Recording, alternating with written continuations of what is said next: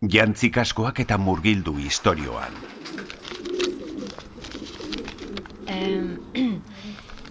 beraz, esandako guztiagatik, ezinezkoa izan zaigu zoritxarrez laguntzarik bidaltzea. Iparraldeko muga zaintzea dagokigu gure ahalegin guztiz, Germaniar Konfederazioaren itzal fedegabeotza gehiago edatu ez zadin.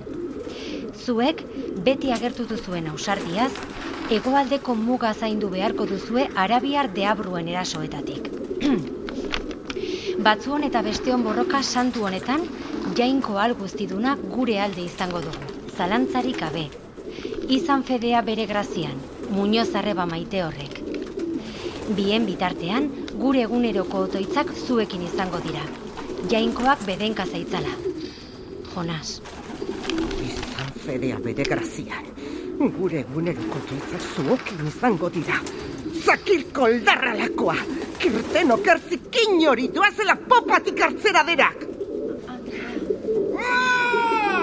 Bi musu eman eta saldu egin gaituzte. Bakarrik gaude bakarrik. Oso madarikatua. Bidoli mezua uzure nagusiari bueltan. Txori puta horrek. Esan hau. Hau dela gure eguneroko toitza beraientzat. Eta esan, infernua, hotza dela koldarrentzat.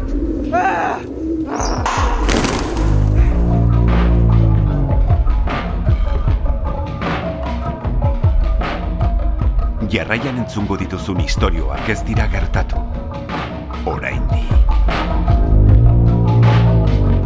Archipelagoa bigarren sasoia, seigarren atala. Infernua hotza da koldarrentzat.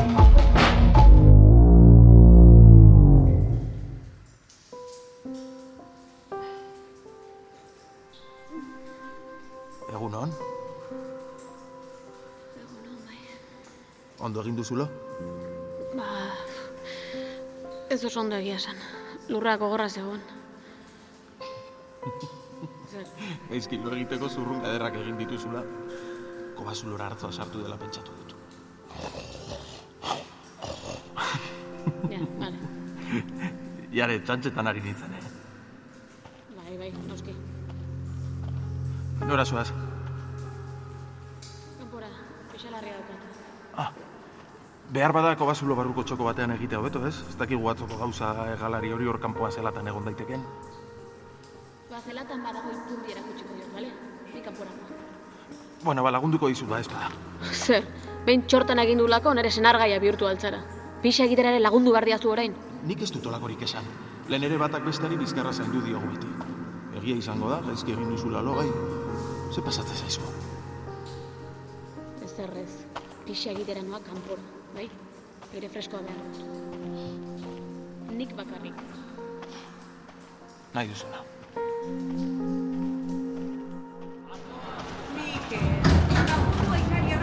Ondo begiratu bazter guztietan irati. Alik eta azkarren topatu behar dugu aitor non duten atxilotua. Bai, bai, zertan ari naizela uste duzu. Badakit, badakit, barkatu. Hau ez dago bat ere erraza, horren beste jenderen artean. Bai, egia da. Enuen espero jendetza autopatzerik. Herri oso bat dago hemen azpian sartuta. Herri oso bat ezeneko. Herri bat baino gehiago, inurritegi bat da. Urbian jara, zabiltzeko sasoia. Ez du balio! Enauzu ikusi! Ez dut uste aitor hemen dutenik eneko. Gizagaxo hauek nahikoa lan badute beraien burua zaintzearekin. Ez gidatu eta begiratu ondo irati. Soldadu itxura izan ezarren, behar bada mozorotuak daude. Eta arresiko zuloietako batean dute, ezkutatua. Bera bat enteldu altzara. Ez alduzu ikusten bata bestearen gainean pilatuta bizi direla arresian indusitako zulo hoietan. Bai, bai, baina... Soldadu mozorrotuak diozu. Nik miseriari aurre egiten ari diren familiak baino ez ditut ikusten hemen. Eta ez eibarkoak bakarrik. Beste uartetako errefusiatuak ere somatu ditut. Gerratik iesi babes bilaturriak. Bai, arrazoi duzu irati. Bilaketarekin itxutu egin naizela uste dut. Ba, begiak zabaldu behar ditugu. Eta bihotzak. Ondamendiaren ondorengo urteak ekartzen dizkit gogora honek guztiak eneko. Behar gorri honek. Baina baita jendearen arteko elkartasunak. Hemen, herri gisari dira bizirauten, elkarri lagunduz. Noiz ahaztu zitzaigun hori guri. Ez, ez zaigu aztu irati. Baina gerrak ezinbestean bihotzak gogortzen ditu. Egia da hori. Horregatik dain garrantzitsua zu hemen egotea. Gure helburua zein den gogorarazteko. Bai, ez dakit, ez dakit. Eta zin daba gure helburua eneko? Oraingo aitor topatzea. Aitor, Tira, jarrai dezagu. Beherago joango gara. Sakonago.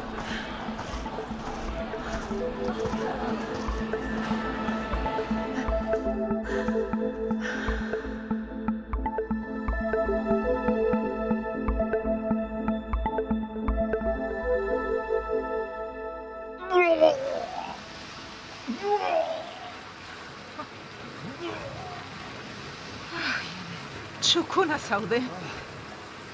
Jada hobeto nago. Lasai. Hobekio. Atzo gau edera izan zenoela espero dut gutienez, gaurko katastroforek merezi izateko. Beno, Zer, ez zenuen ongi pasa? bai bai, oso ondo. Ondo egia agian. Ondo egin. Ça c'est intéressant. Hmm. Neska bat edo mutilen bat?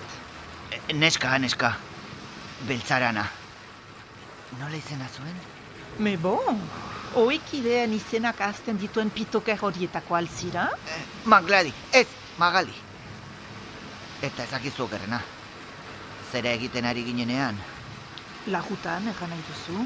bai, ba bukaeran, nahi gabe, bere izena ordez beste baten esan nuen. Jare, ez da? Egundoko grazia egin zion Magaliri. bai, imaginatzen dut. Beno, horrek badakizu zer egan nahi duen. Jare maite duzula oraindik. Finean, horregatik zoaz bidaia honetan ez? Bai, naiz eta atzo gauean beste behin traizionatu nuen. Traizioa. Zerbait egan alnizuke ni traizioari buruz. Kontua da atzoko neska honek, Magalik, petrikiloaren izugarrizko antza zuela, bakizu? Petrikiloa? Bai, ezin dut burutik kendu. Gaur goizan Magaliren oean esnatu naizenean bera neukal alboan iruditu zen. Berekin amets egin dudala uste dut petrikiloarekin. Bere dendan nengoen, eta hitzaiek errepikatzen zizkidan berriz ere. Zain hitz, zer egan zizun petrikioak? Fatima eta Jare. Bi norabide. Laguntza eske garrasik ari zaizkidan bihotz, baina bihotz bakar bat. Eta bat ala beste aukeratu, odola isuriko da.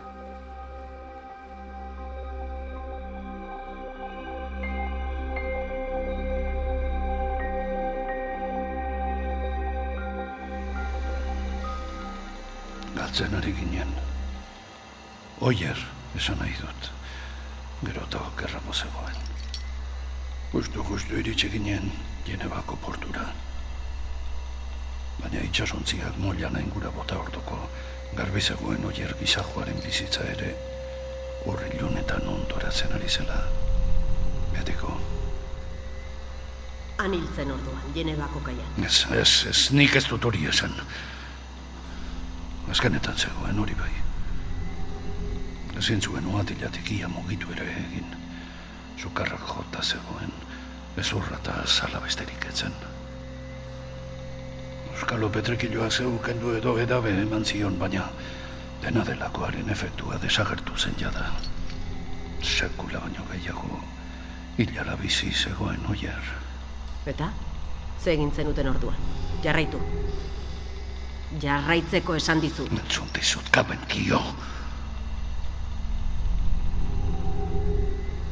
Orduan olatzek Germaniarrekin hitz egin zuen.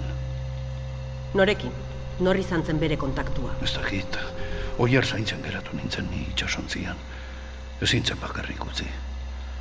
Baina hala izan espalitzere nintzateke joango, egia esan. Nahiago nire burua putzura bota suge gorria razista hoiei asku eman baino. Bueno, bale. Eta olatzek zer egin zuen? Ez dakit zer egin zuen, ez zer esan zien, baina funtzionatu zuen. Hori bai. ordu gutxira itzuli zen olatz itxasontzira. Ta ez zetorren bakarrik, Germaniar Konfederazioaren soldadu mordoska batek lagunduta azaldu zen portura. Oierroetik altxatzen lagundu ziguten. Batetik bestera eramateko atila gurpildun baten gainean ipini zuten izara zuri garbien artean. Beste mundu batekoa zirudien guztiak, beste garai batekoa.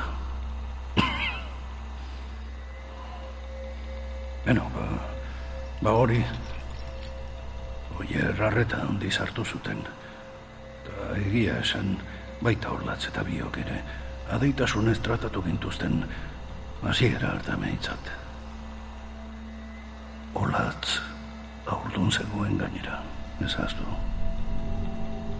Baina bai, bideiaren zati hori oso ondo joan zen, eta bere ala iritsi ginen jene batik ziurik era. Germaniarren itxasuntzian joan zineten? Ez, la hostia, lehen ere esan dizut. Oier hilala bizi zegoen, ez zuen galtzeko denborarik. Ziorik era, egan joan ginen, helikopteros.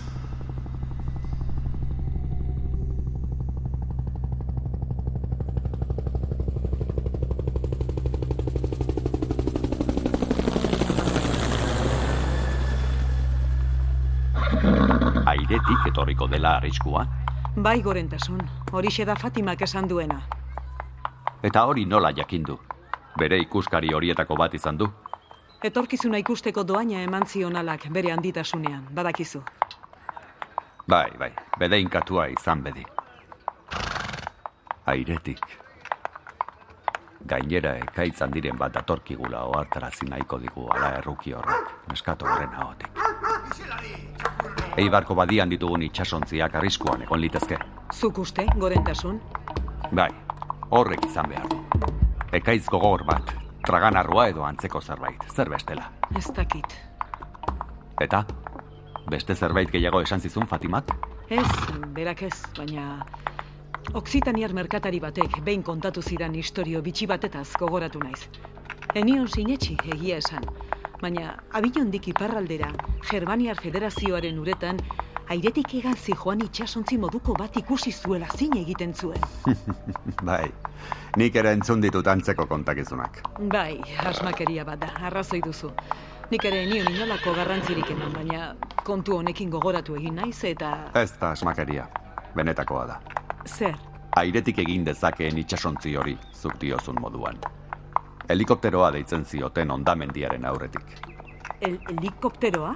Bai, Germaniarrek mordoska bat dituzte, nire espiek emana zidaten horren berri. Baina Fatimak ikusi duen arriskua ezin du horrek izan. Zergatik ez? Urrunegi gaude, elirateke Germaniatik onaino egan iritsiko. Gasolina aituko litzaieke itxaso erdian. Ulertzen dut. Edo zein moduz, enago lasai. Edo nondik datorrela ere, arrisku bat hurbiltzen ari zaigu. Ezin dugu iritsi zaikeratu. Eraso egingo dugu orduan, gorentasun? Ez, prestatu soldaduak, baina ezekin erasoari oraindik. Hori bai, sagarrondoa astinduko dugu pixka bat, ea helduta dagoen fruitua jausten den.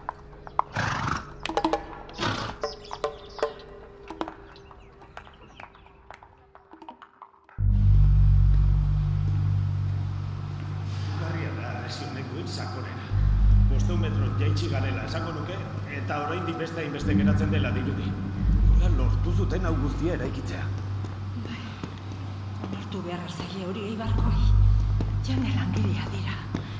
Horregatik eutxi zieten hiru olatuei. Bai, bai, noski. Bueno, ea beraino iritsi aurretik zerbait topatzen duguneren. Bai. Aitorren aztarnaren bat. Ze, gero jeitsitako maila guztiak igo beharko ditugu. Oh, pentsatze utxarekin.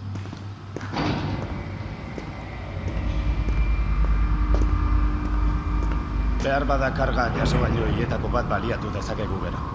Igo eta jaitsi dabiltza, geratu gabe. Ikusten? Bai, konturatu naiz ni ere. Goiko jendearentzat behar dituzten hornigaiak biltegitik igotzeko erabiliko dute seguruena. Horrela dirudi bai. Biltegi izugarria beharko dute, horren beste jendearentzat. Horbeko hori izango da. Biltegia, ikusten? Jendea zaparanetan dabil. Guazen urbiltzera irati. Behar bada elikagai ezkain beste zerbait ere gordetzen dute. Edo norbait. Ados, guazen ba.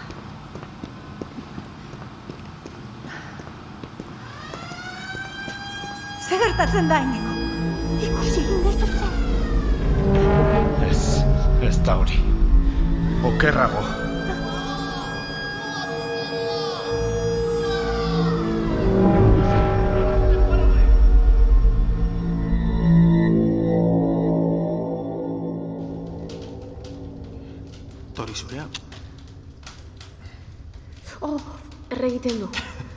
Noski orain txatera dituzutatik, makillaren ertzetatik heldu.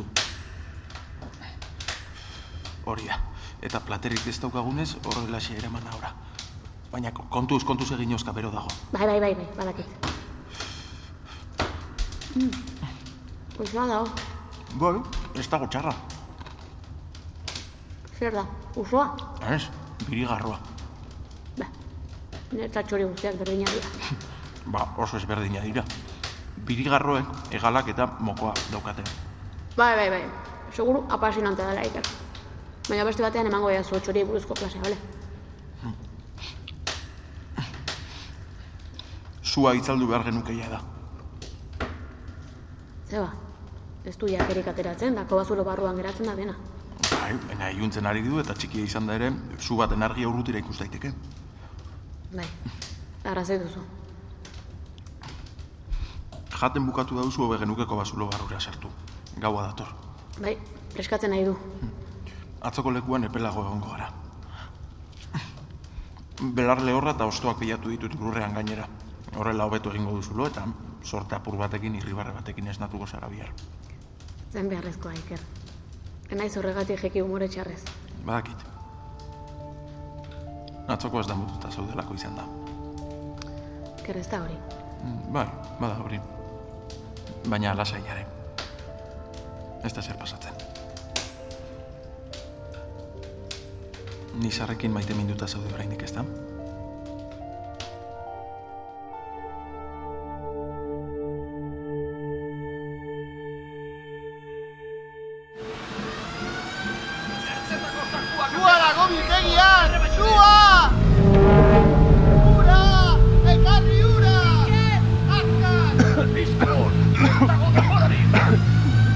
Jarri zapia aurpegian irati.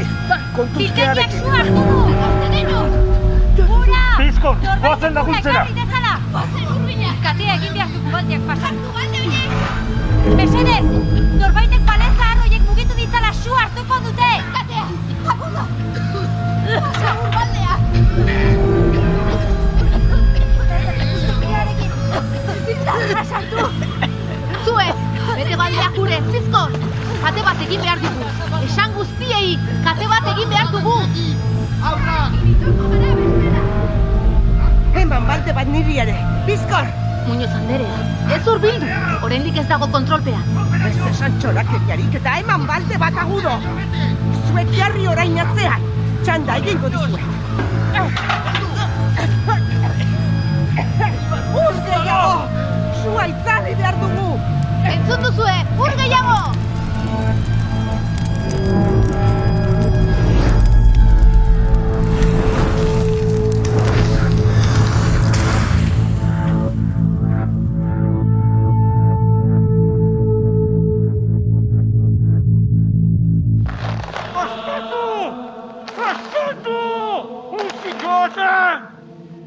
Fermez la fenêtre. Soinu gehiegi dago. Oui, frère Jonas. Zer dio? Hauan zapia jarrita dauka eta ez diote zer ulertzen. Arriskutsua litzateke bestela. Ezin diogu zapia kendu oraindik. Askatzea nahi duela uste dut, anaia. Ah. Baina horixe da egiten ari garena eta askatasuna emango dizugu hain zuzen ere. Ekarri opioa. Tutsuit. Lasai. Injekzio txiki bat besterik ez da. Ikusiko duzu. Ez dizu minik egin.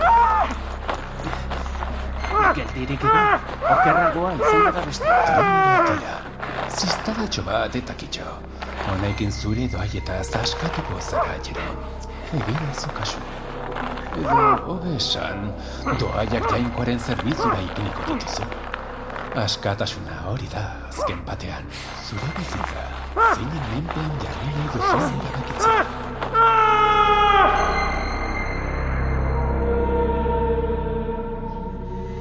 Eta zuritxeko portuan zer gertatu zen.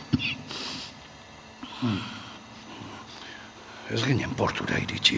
Helikoptero bidez egan joan ginen esan dizut lehen. Zuzenean euren kotorlekuen lurrartu genuen. Bale, berdin dio, han zer gertatu zen. Han, han nire alaba betiko galdu nuen. Olatz hil egin zen? Nola bait bai. Germaniarrekin tratua egin zuen olatzek. Oier sendatzeko zituzten baliabide eta sendagai guztiak bere esku ipiniko zituztela agindu zioten Germaniarrek.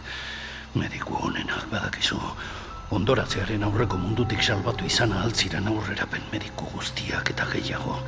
Baina... Baina trukean, olatzek bere burua eman behar izan zien putako mehoiei. Olaz bezala doaiak zituzten pertsonekin esperimentuak egiten ari ziren. Hariko dira oraindik ere. Zer motatako esperimentuak? Ez dakit. Zerbaiten bila ari ziren. Goreneko arraza sortzea agian. Enago zior. Azken batean, boterea. Badakizu, denen gainetik agintzea hori da nahi dutena. Berdintzaile horretarako eundaka erruga beren bizitza xautu beharko dute ere. Esan nion olatzi, bere bizitza alferrik sakrifikatzen ari zela. Oier gizajoak etzuela dagoeneko sendabiderik, pentsa zezala jaiotzeko zorian zegoen bere haurtsuan. Ba- Baina ez zidan entzun. Ez. Zidan entzun. Baina olatz noiz hiltzen orduan. Zer gertatu zen aurrarekin? Nola da? Jarerekin.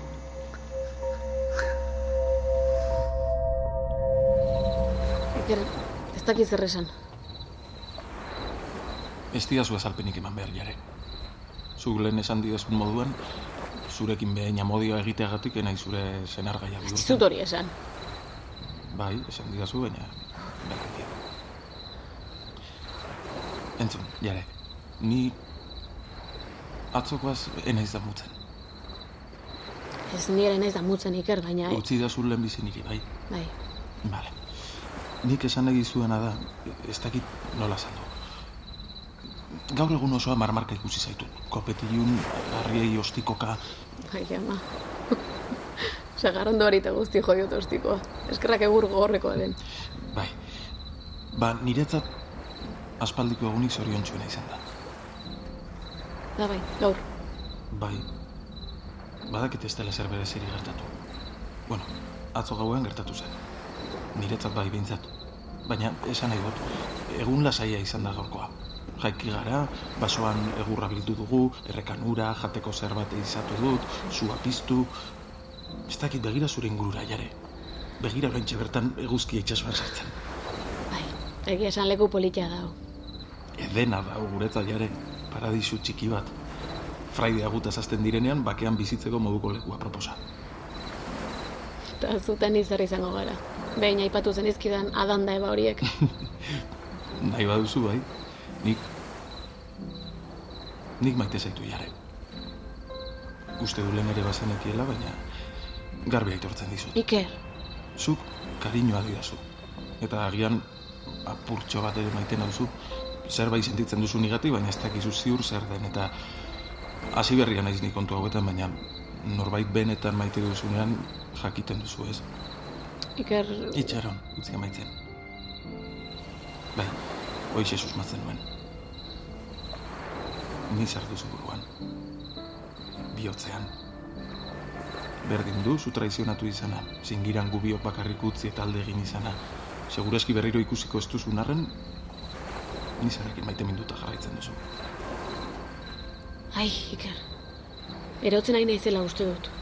Hor non bai dabilela sentitzen dut. Ez dakite, ez dagoela urruti. Batek daki. Agian bai.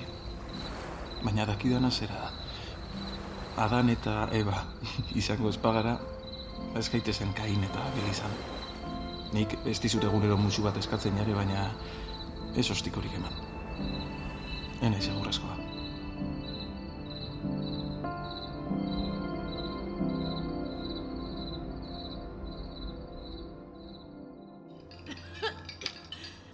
Fiskalita ez dauden sakuak Ke ateratzen da oraindik txoko horretan. Desastre bat hau. Desastre bat. Zenbat galdu dugu? Zaila da jakiten oraindik Anderea. Gutxi gora bera? Ikustegun. Zekale zaku gehienak kiskali egin dira. Barazki kontserba ugari ere bai, makailu gatzatua, irina, bilduta genuen janari erdia edo galdu dugula esango nuke. Erdia? Baina nola? Nola gertatu da hau? Segurtasun neurria genituen. Eta jarraitu ditugu, Anderea. Orduan? Anderea, zu hau norbaitek sortua izan da. Nola? Ze ari zara esaten? Sua, hango bazterrean hasi da. Ikusten? Erabat kiskalita dago orain, baina han metalazko poto bat topatu dugu, izugarrizko kerosenok iratxarekin. Zakur madarikatuak? Ezin dut ulertu nork eta zergatik, baina bai, sortua izan da. Nork eta zergatik? Nik badut ideia bat. Gero eta okerrago, gero eta hobeto pentsatzen duen norbaitek edo norbaitzuk. Nola? Ez dut ulertzen. Oker eta itxu egon naizela orain arte, hori esan nahi du. Begira hor, eneko eta irati besteak bezala katean laguntzen. Etxaiak lagun bihurtu zaizkigu eta lagunak etxai. Joan eta esaiezu beraiekin hitz egin nahi dudala berehala. Kargaia sogailuan igoko gara. Bai, Anderea, berehala.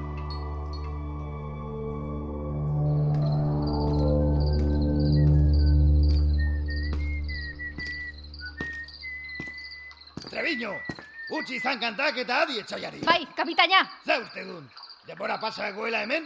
Ez, kapitaina. Konturatu gabe egin dut, markatu. Tira, ondo zagon. Baina zentzumen guztiak ora aurrean ditugun itxasontzi horietan, bai? Bai, kapitaina, noski. Zigarrotxo bat? Bai, eskerrik asko.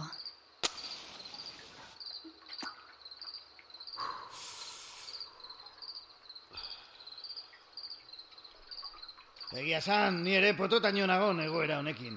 Etxekinak kabroi horiek, zeren zai dauden. Kasi nahiago nuke... Mugitzen ari dira.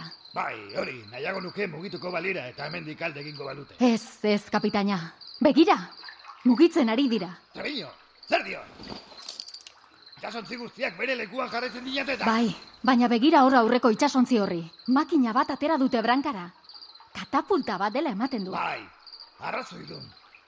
Katapulta. Baina zergatik erasotzen digute horrelako tramankulu batekin, itxasontzi bakoitzean hogeinak kainoi dituztenean. Bolbora gabe geratuko ziren edo... Kontuz! Baina, zera raio! Pasa abizua gora, Treviño! Baina ze hostia, ze ari dira jauziten, irako gortuak? Zera ematen. Zakurrak dira! Hildako zakur basatiak! Ozek iratxa! Ez! Ez esan ukitu, Treviño! Begira euren koloreari! Gaita zeukanate! Kutsakorrak ditun! Kutsakorrak? Jo alarma! Azkar! Ez ukitu! Inork ez ditzala txakurrak ukitu! Gaitza zabalduko da irian! Kontu zeno! Gureak egin du! Gaitza sartu dute eibarren!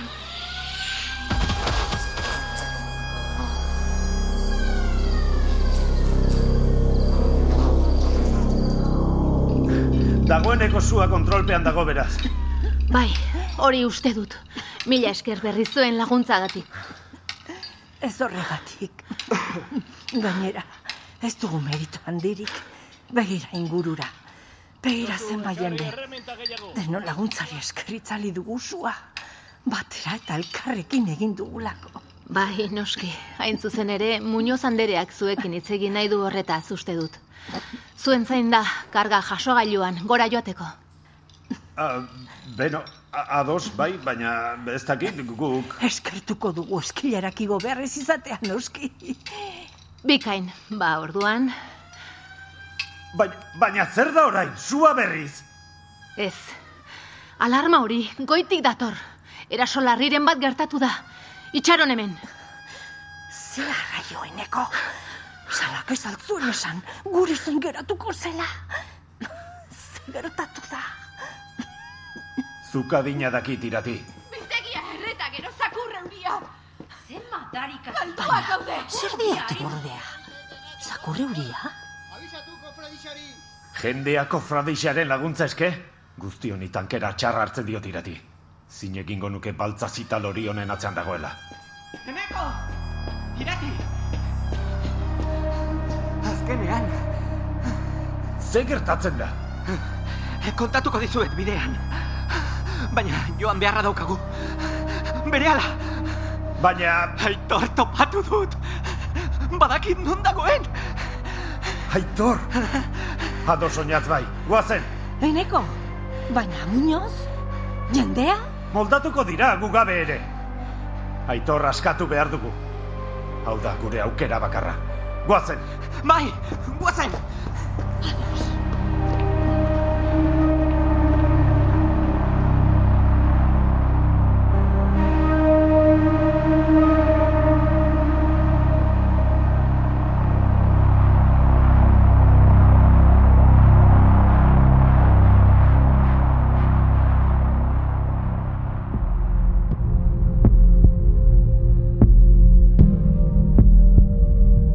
Archipelagoa Ulu Mediak EITB podcastentzat ekoitzitako soinu fikzioa da. Grabaketak Koldo Korea eta Santi Salvadoren estudioetan egin dira eta soinu diseinua Lasarteko Ulu estudioetan. Archipelagoan parte hartu dute Gidoian Xavier eta Martin Etxeberria. Grabaketan Koldo Korea. Soinu diseinuan Oier Arantzabal eta Jon Gartzia. Aktore zuzendaritzan Anart Zuazua. Jatorrizko musika Rafa Rueda. Artea Xavier Sagasta. Besteak beste, honako aktore hauek parte hartu dute. Aitziber Garmendia, Eneko Sagardoi, Itziar Rituño, Iñaki Beraetxe, Anartzuazua, Sara Kozar, Clara Abadiola, eta Bikoizle Euskaldunen elkartea. Ekoizpena eta koordinazioa, Xavier Etxeberria eta Kristina Tapia Huizi. Zuzentzaile eta edizio lanak, Juan González Andrés. Zuzendaria Oier Arantzabal. Sail guztiak entzungai dituzu EITB podcasten edo audioak entzuteko darabiltzun dena delako plataforman. Arpidetu eta zabaldu lagun zein etxaien artean. Ei, txt, entzun hori. Ulu Media.